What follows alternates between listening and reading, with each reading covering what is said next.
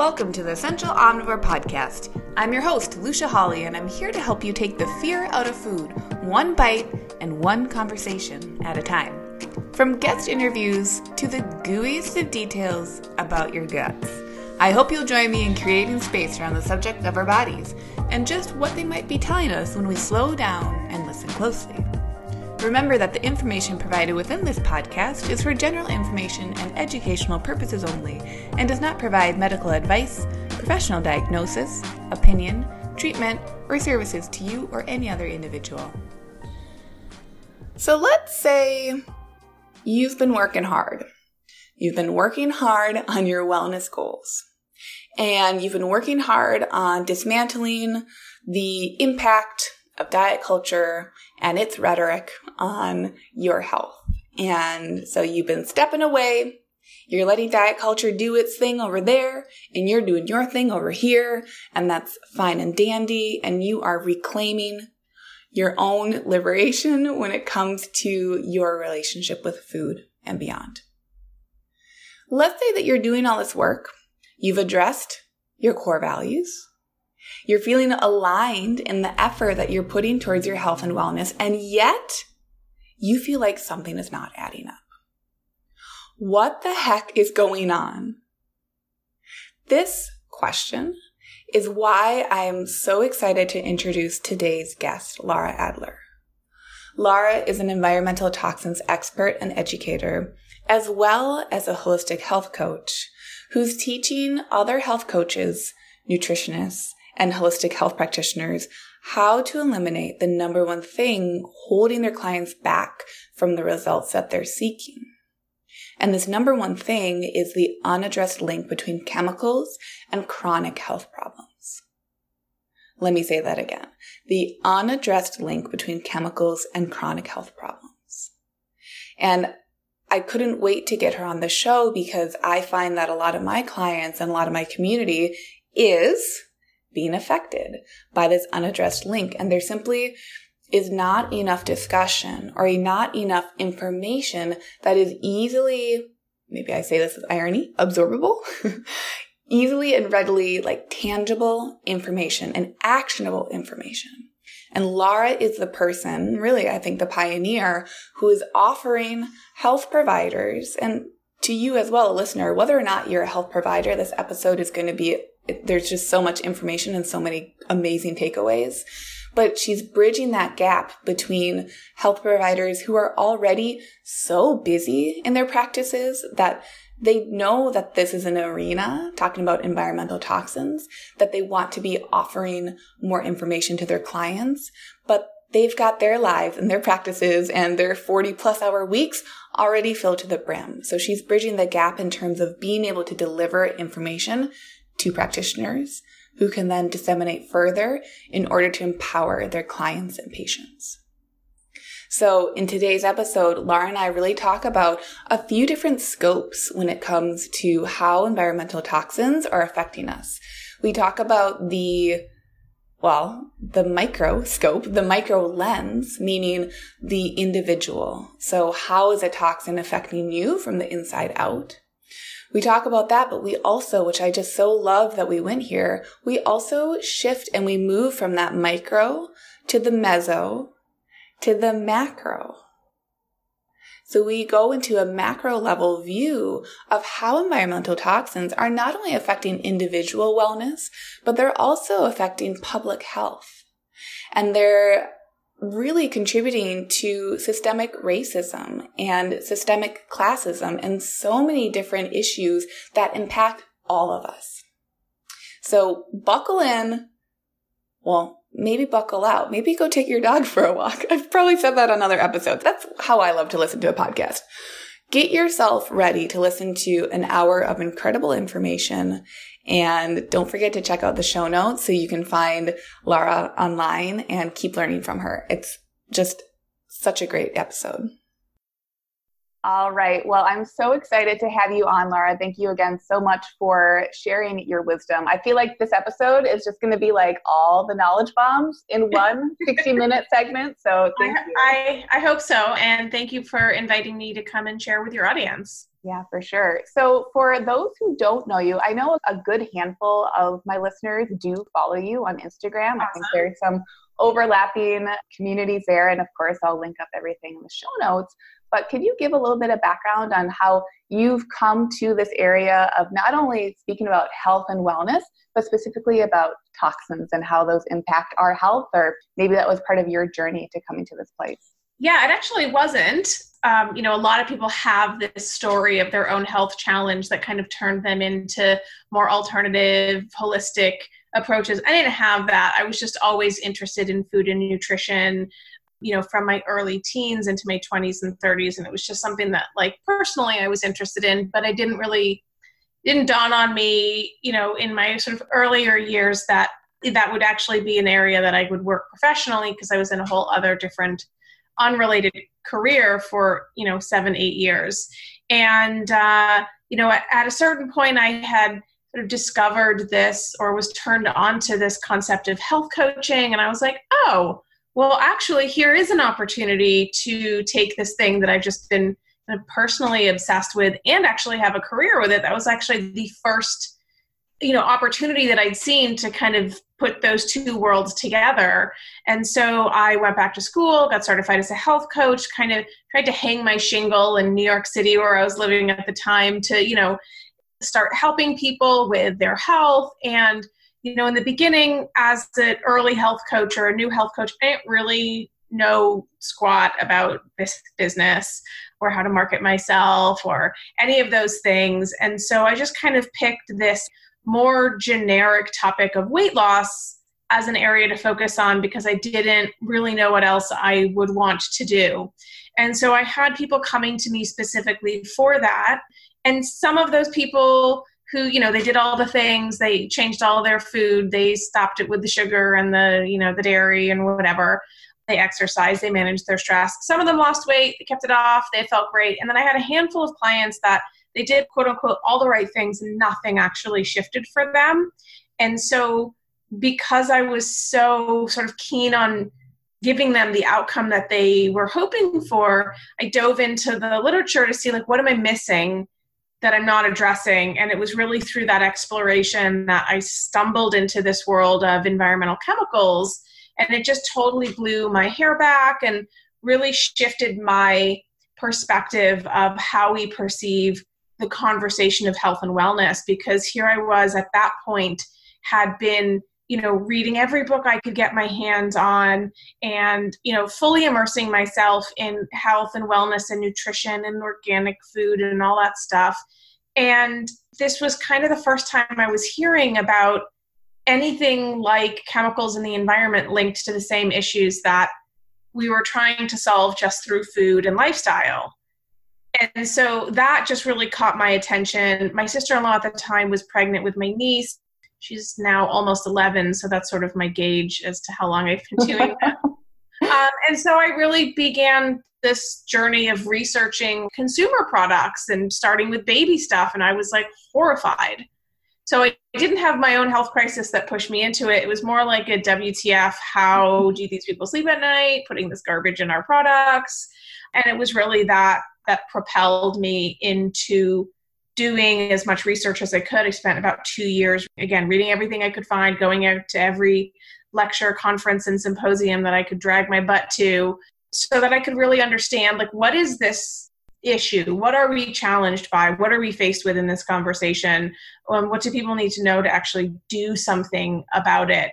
Um, and, you know, in 2012, I started teaching courses for my community of colleagues in the health and wellness space so you know my health coaches and nutritionists that i was surrounded by because i realized if i had that massive education gap um, the more i dove into the research everybody has this massive education gap even in the healthcare industries. And so that's what i've been doing for the last almost eight years now is working with uh, health professionals really across all modalities to help them understand these links between these everyday exposures that people are getting and the chronic health issues that uh, are on the rise that people are experiencing so that they have practical information to use to guide their clients or patients to reduce these exposures in all the places that they can.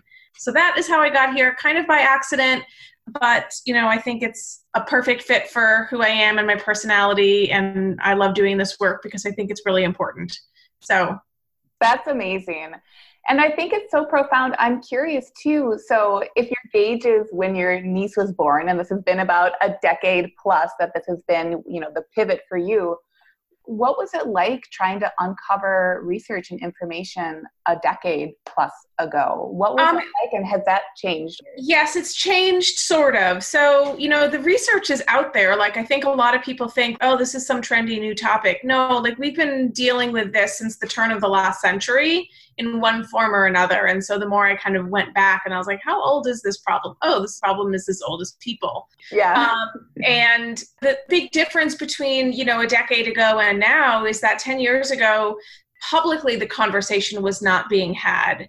And so even amongst health practitioners, it wasn't being had. So when I stepped out, in this space, you know, yes, there are sort of pockets of the medical community functional uh, medical doctors and functional naturopaths that specialize in environmental medicine, like those have existed for many years. But within the sphere of the allied health practitioner, like there was no one. Like I was like, okay, I guess I'm just gonna go do this, and like no one else is doing it, but I'm gonna. I think I'm gonna do this. And so, you know, the research was being done, but the media hadn't really paid too much attention to it. Consumers hadn't been paying too much attention to it. And I think that that um, has shifted dramatically, thanks in part to the younger generations, the millennials, and the generation after that, because this is a generation that's grown up going like, hey, you, you, meaning our elders, us, have been fucking us over for decades in lots of different ways and we're over it. And so we want to know we want transparency. And so we see this younger generation of people that are really leading the charge in changing public policy demanding safer cleaner products from the companies that they buy from and so partly because of that partly because of this push in consumer awareness and because of some you know really smart tactics used by some journalists to really get this information out there to the public mm-hmm. and some high profile instances like flint michigan really put the issue of water contamination on the map and then following that now we have all this information about perfluorinated chemical water contamination and so it kind of takes these big public events to put the spotlight on. So the biggest shift is not now, of course, there's volumes of research, so much more than there was a decade ago, but it's more that consumer awareness has shifted and the industry has shifted. So, you know, when I started this conversation, finding personal care products that didn't have all of these really crappy ingredients was hard. Like there was not that many companies I could count them on two hands. Yeah. Now there's so many I can't even keep track. And so that's changed, and that's a wonderful change because it's really changing the entire landscape of that industry. And it's actually the of the beauty care industry, organic and natural is the fastest growing sector. So, yeah, lots of really big change has happened, and it's really exciting. So, I think it really sounds like it's a beautiful time to be able to be offering this information. And I think what you're doing too is so wonderful, where you're taking the research, you're like a self-proclaimed nerd, right? Like you love that stuff, give you all the data. You're taking that, you're breaking it down, and then it really sounds like what you're doing is that you're making it into like tangible takeaways really for health yeah. practitioners to then yes. offer to their clients and patients. Yeah, I mean, I you know, I just uh, earlier this year finished putting together a new course, and I kind of paid attention to the research process, and it's like for every hour of material that I put together that I share, there's about 10 hours of research that goes into that one hour. Um, somebody had tweeted this thing I posted on my Instagram a couple months ago that was like, you know, research is spending 36 hours reading 12 papers to write two sentences. Something like that. And it's mm-hmm. like, well, that's actually 100% accurate. And so you have to read 35 papers or spend 35 hours reading a dozen papers just to extract this one sentence. And so I love doing that. I really talk about it like I, a translator. So I talk about toxins like being a foreign language. Yeah. And when learning it like any foreign language, we're like, how do you say that? What does this mean? It's awkward and it's like you just have to immerse yourself because immersion is how you learn a foreign language. Yeah. And that what I'm doing is I'm translating this really complex concepts and really trying to distill it into language that's not only clear and easy to learn, but that's actionable. Meaning, like in instances when we can do something about it, and thankfully there are a lot of instances where we can kind of intervene. What are those action steps? What can we do so that practitioners have really clear action steps on, you know, how they can guide their clients and patients? So yeah, you know, I think it's very much translation. yeah. oh, thank goodness, because I think also, you know, part of what I've noticed you talk about, which is so true, is that when practitioners are working with their clients or patients or you know what have you, that's their full-time job and you're really also doing that work of saying like let me give you this information so that yeah. you can be more equipped and not feel the overwhelm so you can focus on being able to then they don't have time to do all the research they right. don't have i mean it's I mean, they just don't and yet most of them or many of them anyway recognize that it's something that's fully and totally linked to the work that they're doing, whether it's autoimmune or fertility or gut or egg skin or whatever it is, energy, weight issues, like it's related. And I think what happens sometimes for practitioners is they kind of peek under the lid and they're like, wow, that's a really big. I'm not going to go there because I just know if I go in there, like it's going to consume me. And I don't have the time and so i'm really seeking that audience right? Like those practitioners who are like yeah mm, i know it's there but like i don't have the time. Because you know again 100 hours of research to go into 10 hours of content most people don't have time for that and that's what my job is so that they don't have to do that. So when you were first starting out and offering information was there i mean you were saying that when you were working with clients yourself it was the people who were feeling frustrated being like i'm doing everything you're saying and i'm still not losing weight. Were there some beginning almost like takeaways that were the easiest for people to understand or to like again have them be tangible that made those really impactful differences well, so it's different for everybody. So, you know, where somebody's weak link is, whether it's a genetic weak link or a nutritional weak link or whatever, like wherever is their weak link, that's usually where, like, whatever their health issue is going to manifest. And the challenge with toxins is they really affect all systems. So, and we're not just exposed to one toxin, we're exposed to hundreds. And so the same exposures to chemicals can manifest in different ways for people. And similarly, when we take out exposures, the effect of reducing that exposure can be different for different people. Mm-hmm. So, for one person, taking scented candles and all those synthetic fragrances out might reduce their migraines, and for somebody else, it might help them lose those last five pounds. Right, so the effect is going to be very different for people. And some people, you know, I think that the challenge with toxins is that you know a lot of people will think oh toxic exposure that means that I'm vomiting, my hair's falling out, my skin is blistering, have to go to the emergency room. It's not what we're talking about here because the levels of exposures that we're getting are so small. They're not these big high dose occupational exposures that can, you know, cause leukemia to develop in six months or, or a year. It's a long, much longer process before um, symptoms can manifest. They certainly don't need to take that long, but they often do. And so it's really hard to say like oh if i change my shampoo then all these problems will go away. Right. so in the same manner that it took us a while to get into this problem it can take us a while to get out. And so some people might not notice any immediate change in their symptoms but if you stick to it long enough you know your body what you're doing through practicing these sort of avoidance behaviors is you're reducing the burden on your body and you're allowing your body to perform more optimally because you're not overburdening it with all of these chemicals that it needs to process or store and that's a problem. And so you're really kind of easing that burden. And you know the way that i describe it is like we're dialing down our exposure while in turn optimizing our ability to process and detoxify chemicals. And it's that magic sweet spot of turning this down and turning this up that we often see um, health issues resolve and you know it can be really small thing for some people you know i had a woman write to me who was in the health practitioner space she was a practitioner so she knew all the things and did all the things because she was experiencing a hair loss like to a degree that was devastating for her And she's like, I did all the things. Like, I know how to fix this, and it's not fixing it. And then I heard you on a podcast talking about water, and I realized, oh my God, our water softener broke three months ago. And she's like, we fixed it. I got a filter, and like the hair loss stopped and it's starting to come back. So for some people, it is immediate.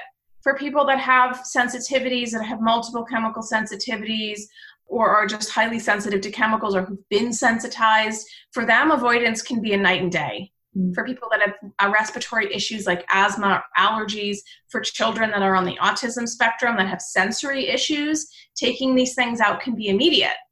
But it's not the same for everyone. Uh, but change does happen and i think that that's important and you know it's just this idea of we're doing the best that we can because you know we want to live long healthy lives that's why and I love the difference that you're making too between avoidance and detoxification. So, like the yes. processes that your body is using in order to manage this toxin or chemical overload is different than the ability to be shifting how many of those you're engaging with on the daily. Yeah, and I think it's, uh, I, I have lots of different analogies to describe this, but I just posted one um, recently on Instagram that's like a hand submerged in a bucket of boiling water. It's like if your hand is in a bucket of boiling water or pot of boiling water, you're not going to start treating it before you take your hand out. You're going to take your hand out first, hello, and then you start treating it. So we need to start addressing avoidance. That would be avoiding the source of the injury or the insult. And we have to do that. That comes first. We have to, it doesn't make sense to focus on all of this detoxification and like doing detoxes and doing cleanses if people are still using perfumes and scented candles and scented laundry detergents and personal care products and they're not eating organic and their water's not filtered like if you haven't even done any of those things yet you're really asking a lot of this detox or cleanse program to be like a miracle worker. Right. And, you know, we can't mop up this mess fast enough with a detox or a cleanse or protocol. We have to avoid the exposures. It's just logically how we have to approach this. And so I really focus on how do we emphasize avoidance so that anything that you do choose to do or any program or protocol that a practitioner chooses to implement for their audience clients patients whatever that protocol that program that detox effort that cleanse is actually going to be more effective because you're not adding in excess at the same time. So you know that's really my approach and i want to leave the you know hardcore detoxification protocols to the medical professionals because that's who should be doing those. That's in their arena yeah. Yeah that's in their arena. And the reality is like you know they can be really good at the detox protocols but if they're not also good at the avoidance like this is why we have to have people you know on all sort of spectrums across the practitioner modality all of these allied health practitioners that serve as support people uh, need to be well versed in this so that the MD or the ND who's doing detox protocols, if they don't have time to teach their client or patients about avoidance, then someone on their team as an allied practitioner should be able to do that. I think that's a really powerful like one-two punch is to be able to do both. Right. And that that one-two punch is in the name of that patient or client yeah. regaining health and wellness. Yes, that's the whole point. It's the whole point. You know, and I think that you know there's some really powerful fringe benefits that happen as a result of people on a broad scale making really small changes is that it sends a message to industries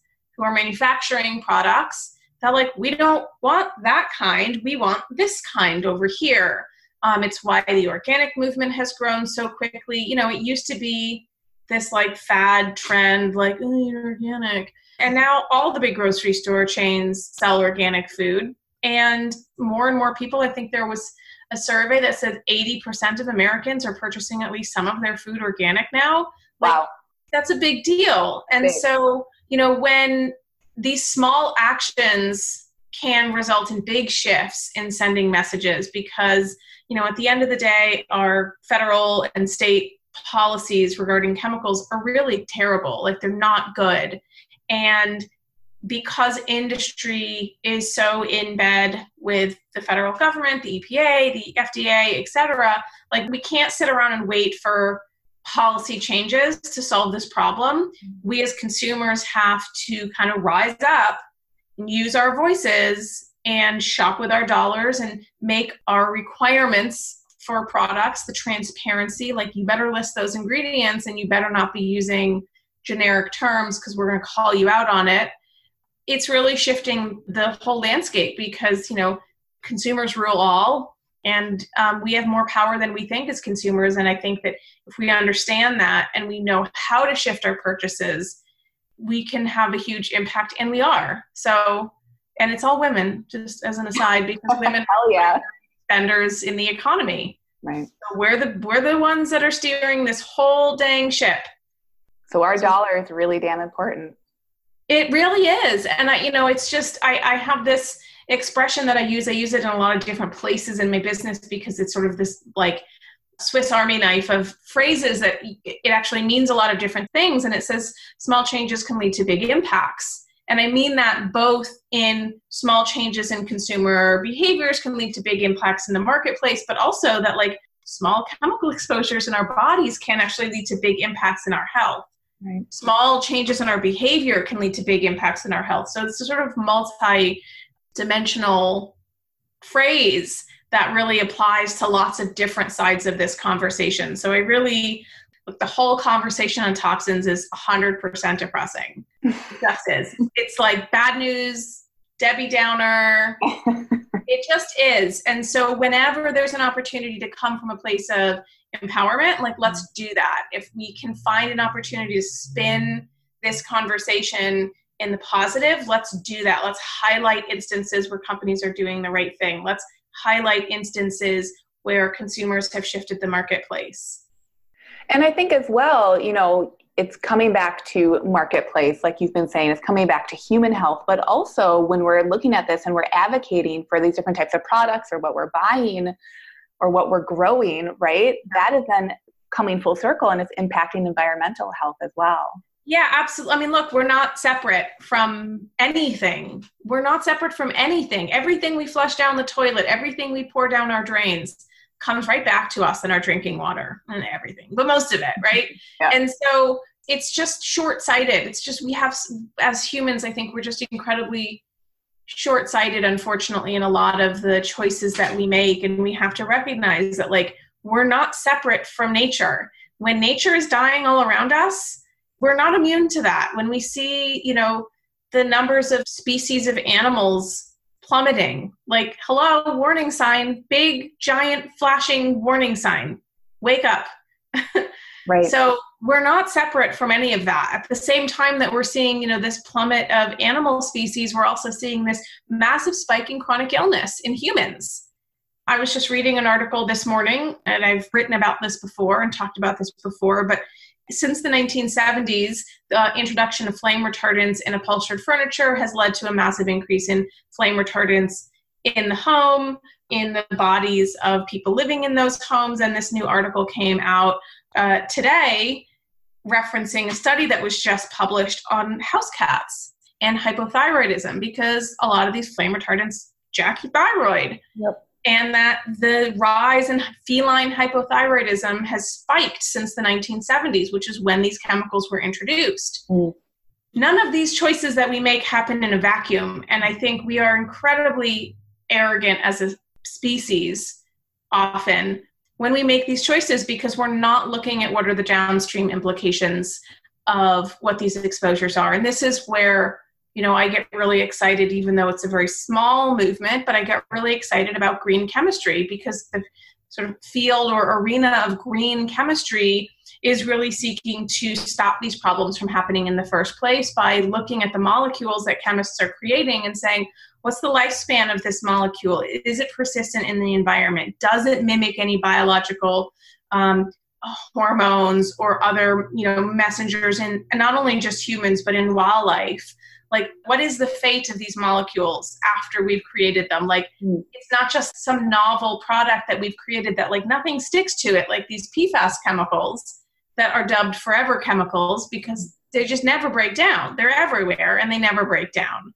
And so green chemistries really seeks to solve that problem. It's still a small movement within chemistry, but like, hello, if we all paid attention to that and if people in the world of chemistry understood toxicology and they understood biology, then maybe they wouldn't be producing the kinds of molecules that they do, but these disciplines don't overlap.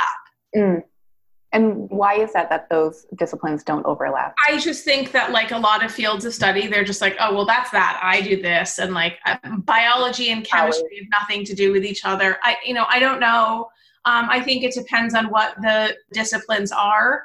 You know, the discipline of toxicology is first of all, it's built on this foundation that you know of the dose makes the poison. This hails from Paracelsus from the 16th century. Like, hello, we should update our foundational understanding of how things behave. But, like, no, no.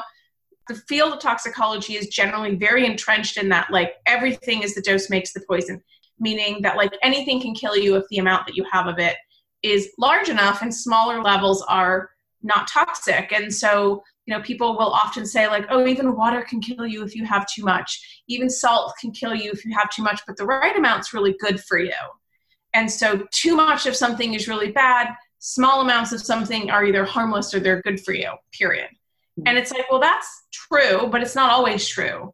Ask any pharmacologist, it's another discipline, pharmacology, and they fully know and recognize in their whole, you know, field is based on the fact that very low levels of compounds and chemicals in the body are bioactive. That's how come the drugs we take work and also have 1,000 side effects. Mm-hmm. So those are all delivered at doses that, like toxicology, is going, well, they're quote beneficial, they're just not toxic. And so we have to redefine what we mean by toxic because toxicology is looking at like, oh, you have cancer, oh, your organs exploded, or you know, you're brain dead. They're looking at these really high endpoints to determine whether or not something is quote unquote toxic.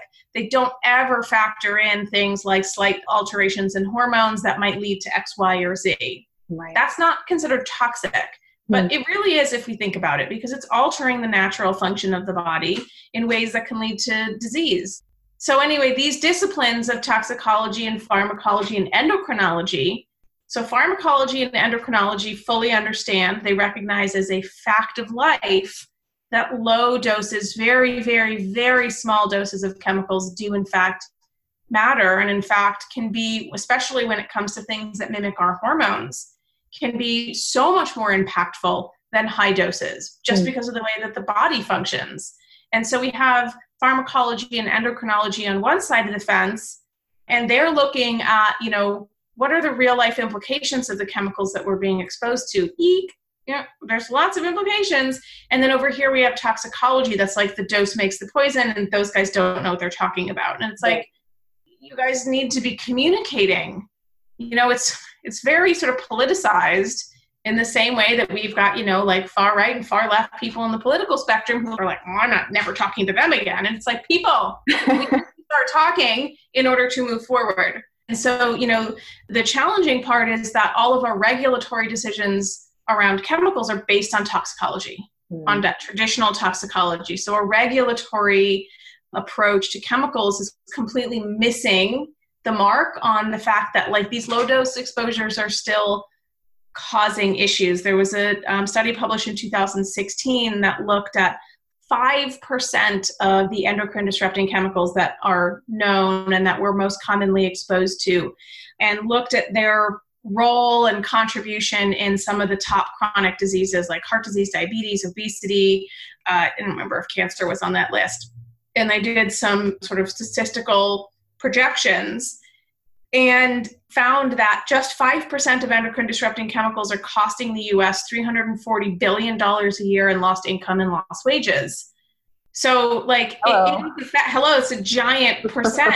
yeah. Uh, I think it was like, you know, 2% of the GDP or something, but it was like, that's a giant chunk of money. And, you know, in Europe, while they you know they're better than where we are here in terms of chemical regulation those same calculations were like a third less mm. because they're regulating chemicals more strictly, not across the board, but in, in some places in the European Union. So the effect on uh, the burden on the healthcare system is a lot lower. Why?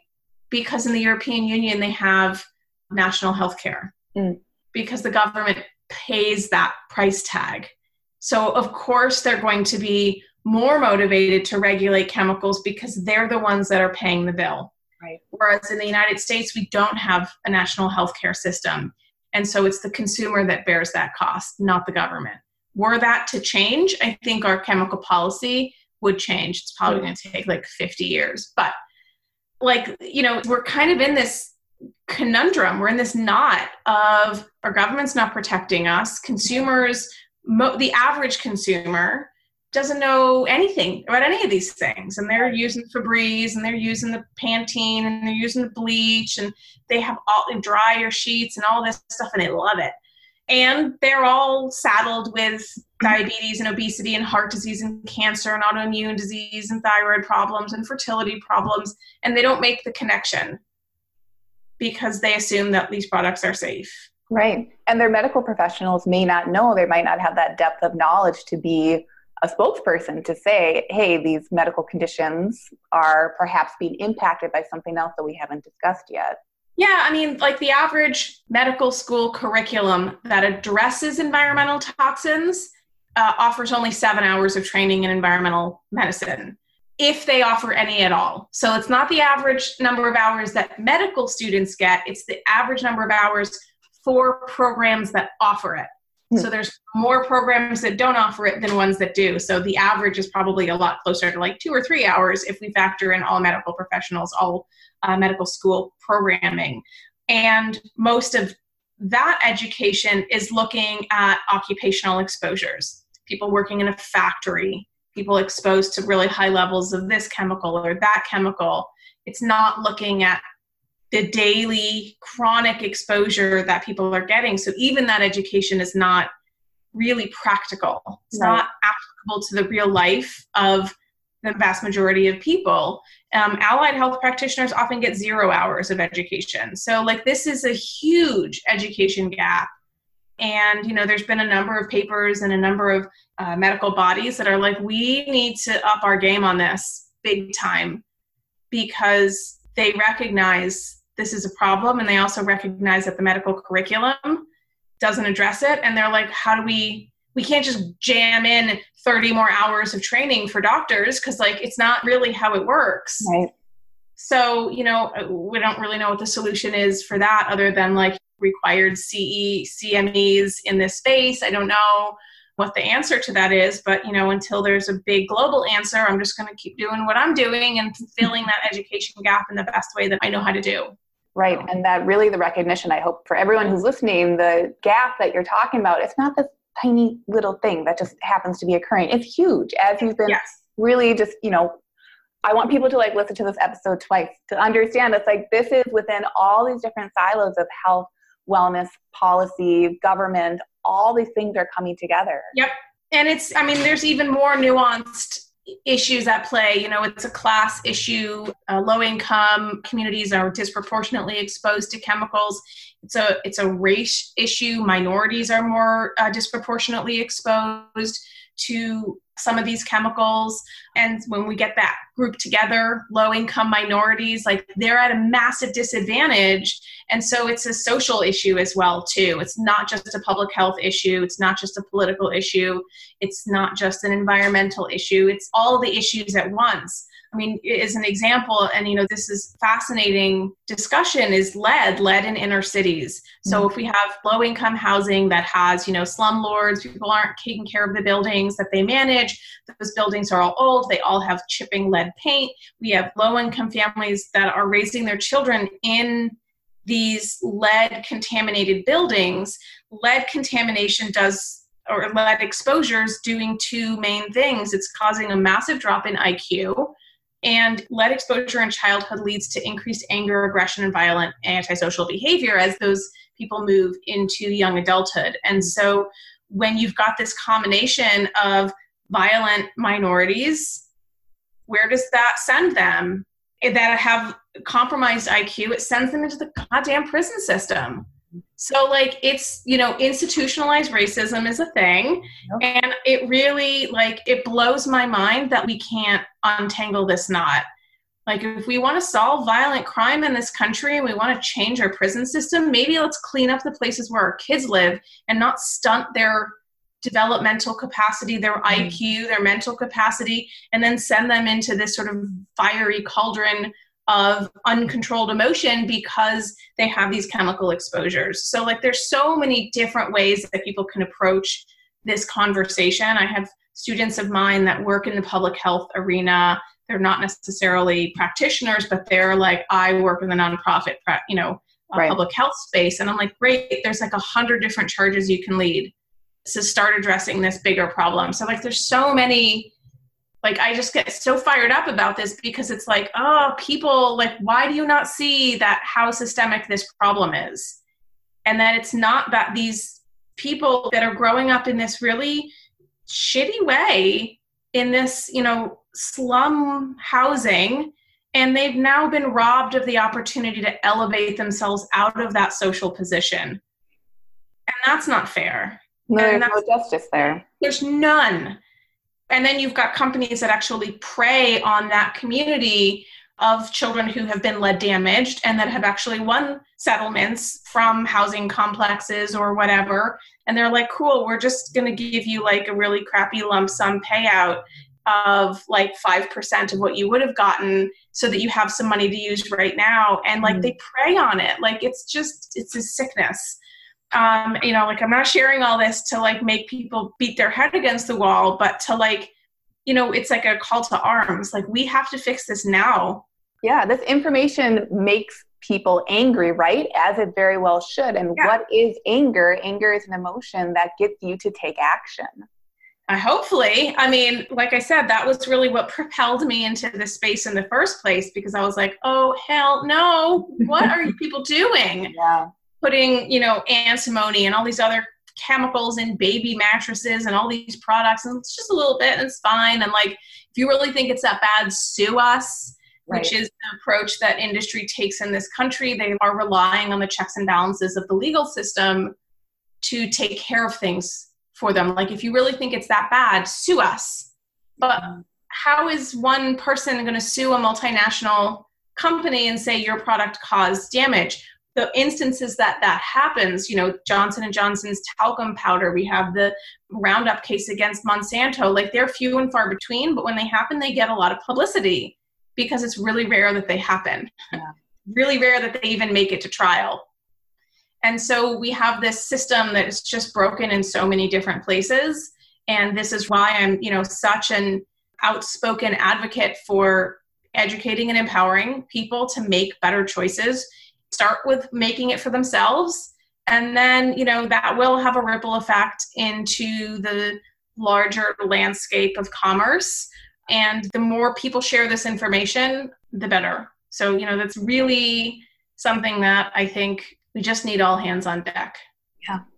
Right. And that every action counts too. I think this yeah. discussion because it can be so anxiety provoking and anger provoking and like it's overwhelming. Because it can be so overwhelming i think some people shut down and i feel like that's really where you're addressing absolutely. Like, listen every single choice you make don't let that be scary. Let that be liberating so that we yes. yeah absolutely. And like i think that's a great point because you know not everybody's going to want to go out and bang the drum out in the streets on the steps of congress. Like not everyone's going to want to do that. Not everybody has to do that. I think any action step that you take, if it's merely selfish in nature, just because you have your own health issue that you want to address, great, do that. Do that all the way. Because whether you intend it or not, it's still having a positive influence. So when we see brands, first of all, when we see large big box retailers, Target, Walmart, Costco, CVS, all, you know, working to pay more attention to the chemicals in the products that they stock on their shelves, their store brand products, etc. That sends a big message. But when we see those stores also making more room in their shelves, like Target does this, Costco does this, for products that are either organic or that are, you know, phthalate free, paraben free, that are free of all these crap chemicals, what that's doing is, you know, whether they intend it or not, it creates more opportunity for people who shop at those stores who don't know anything about any of this stuff to be like, oh, cool, look, what's this Dr. Bronner's soap? I'm going to go buy that. Like, if people can buy that at Target, they may not even know that they're making a really great choice. Yeah. And so it's just changing the landscape of retail, of commerce in general, and, you know, hopefully eventually behavior of industry. Right. Hopefully. And opening access, even if it's just the teeniest, tiniest pivot. Yes. Yep. Absolutely. So, so I'm taking your course on water, and so it's like there's so much I want to even dive into with that. But will you tell us about your course on toxins? It seems like that's your flagship class of talking toxins. Yeah, so talking toxins is really a foundations level course that's it addresses what I consider to be the non negotiables, meaning, like, I don't care what type of practitioner you are, if you're a doula or a naturopath or a health coach or nutritionist or whatever. These are the areas that we want to start, that everybody should, at the bare minimum, be talking to their clients, patients, customers, audience, etc., about things like pesticides, uh, pesticide use, like cookware, like food packaging, like plastics in the kitchen, uh, personal care products, household cleaners. Like this is just the basics. And practitioners really need to understand not only um, what the issues are, but where these exposures are happening, how these exposures are affecting them, and then what do they do in terms of recommendations for their clients or patients. So I call this the what, where, how, and what now. So what are they? Where are they? How do they affect us? What do we do about it? Um, and so this is a self-paced course. You can go at your own pace. You can get it done in five weeks. This is the sort of the recommended pace. Mm. And you know, this is 10 hours of really highly cited education. So there's hundreds and hundreds of citations in the literature for people that want to go down that research trail. So that 10 hours is more than the average medical school curriculum on this topic and it's practical information right. um, and the, you know the other part of this course it's you know it's called talking toxins because i want practitioners out in the world talking toxins with their audience. So what I tell my audience is that, you know, information is not enough. Like I can give you all the facts and information in the world, but that doesn't always translate into them successfully being able to communicate about it. So there's a part of this course that really explores like how do we integrate this into the practices that we already have, to the conversations that we're already having? How do we leverage this education to reach the people that are becoming more aware? So uh, it's an amazing course. It's the course I wish I had when I first started this conversation because right. there was nothing. And we start in talking toxins with the low hanging fruit. What are the things that we're being exposed to every day that have easy solutions? Not everything has an easy solution. What we cover in Talking Toxins does, which makes it incredibly applicable and actionable to the work that they're already doing with their clients and patients around optimizing lifestyle. Right. And from that public health lens, how far does that go when it's more easy, more applicable, and maybe more financially reasonable versus oh, absolutely. You know, all those other options that can then come later on if desired? Yeah, absolutely. I mean, it's like I said, it's the course that I wish I'd had because, you know, there was just so much, so, so much research that I had to do to kind of cobble together all of this information over the years. And this uh, Talking Toxins course is really the foundations level course that gives, starts giving uh, health professionals fluency mm. in this topic so that they can then go out and confidently talk about these issues so they can do podcasts yeah. so they can write blogs so they can tap into this like you know in the very beginning i was saying like you know the amount of people that are talking about this has increased in this last 10 years um, the number of headlines on toxic chemicals and health effects for children and fertility and whatever heart disease diabetes is increasing and consumers just regular people are reading these articles and these articles are all short on solutions they are mm. not guiding people. And so what happens is these articles are creating this mid level, low level simmering anxiety that consumers have where they're like, mm, I don't know if we're just talking about like organic, like, mm, really know what to do. And they can't talk to their pediatrician, they can't talk to their doctor, they can't talk to their gynecologist because they don't have any training. Mm. So, you know, if we can create this army of health practitioners who are fluent, they can raise their hand and be like, yeah, all those questions that you've been building up in your mind that you like don't have anybody to ask ask me. Mm-hmm. i can answer them. And then what happens is people are like oh my god you can talk about that? And they were like oh i have a hundred questions for you. And so it's really exciting for me to see that happening for my students because they have this fluency. So um, you know if your listeners are health professionals it doesn't really matter what modality um, you know i really encourage them to check it out because it's a i'm just bragging on my own course but like it's an it incredible is. resource so that i'm really proud of and that has gotten really great feedback from the students who've already gone through it yeah well, you've again, you've done the heavy lifting, you've done that translation work. Yeah. That goes such a far, far away. I mean, I think so. And it's definitely, you know, I definitely hear that from my students. Like, they don't have the time. And it's like, don't worry, girl, I got you. I got you. what I do, I have the time. This is what I do. Yeah. now, here you go. Now, go talk about it. Yes, absolutely. Absolutely. So then I have three questions that I ask everyone who hops yes. on here with me. So my first is, what is your idea of health? Um, balance and ease, I think, is my idea of health. Just like ease, you know, not really being burdened by all those things that we all are actually burdened by. I think I would add to that uh, comfort in nature so mm. it's like I know people that are actually like uncomfortable, like, oh, it's dirty. And I'm like, I don't understand what planet you live on because this planet is made of dirt.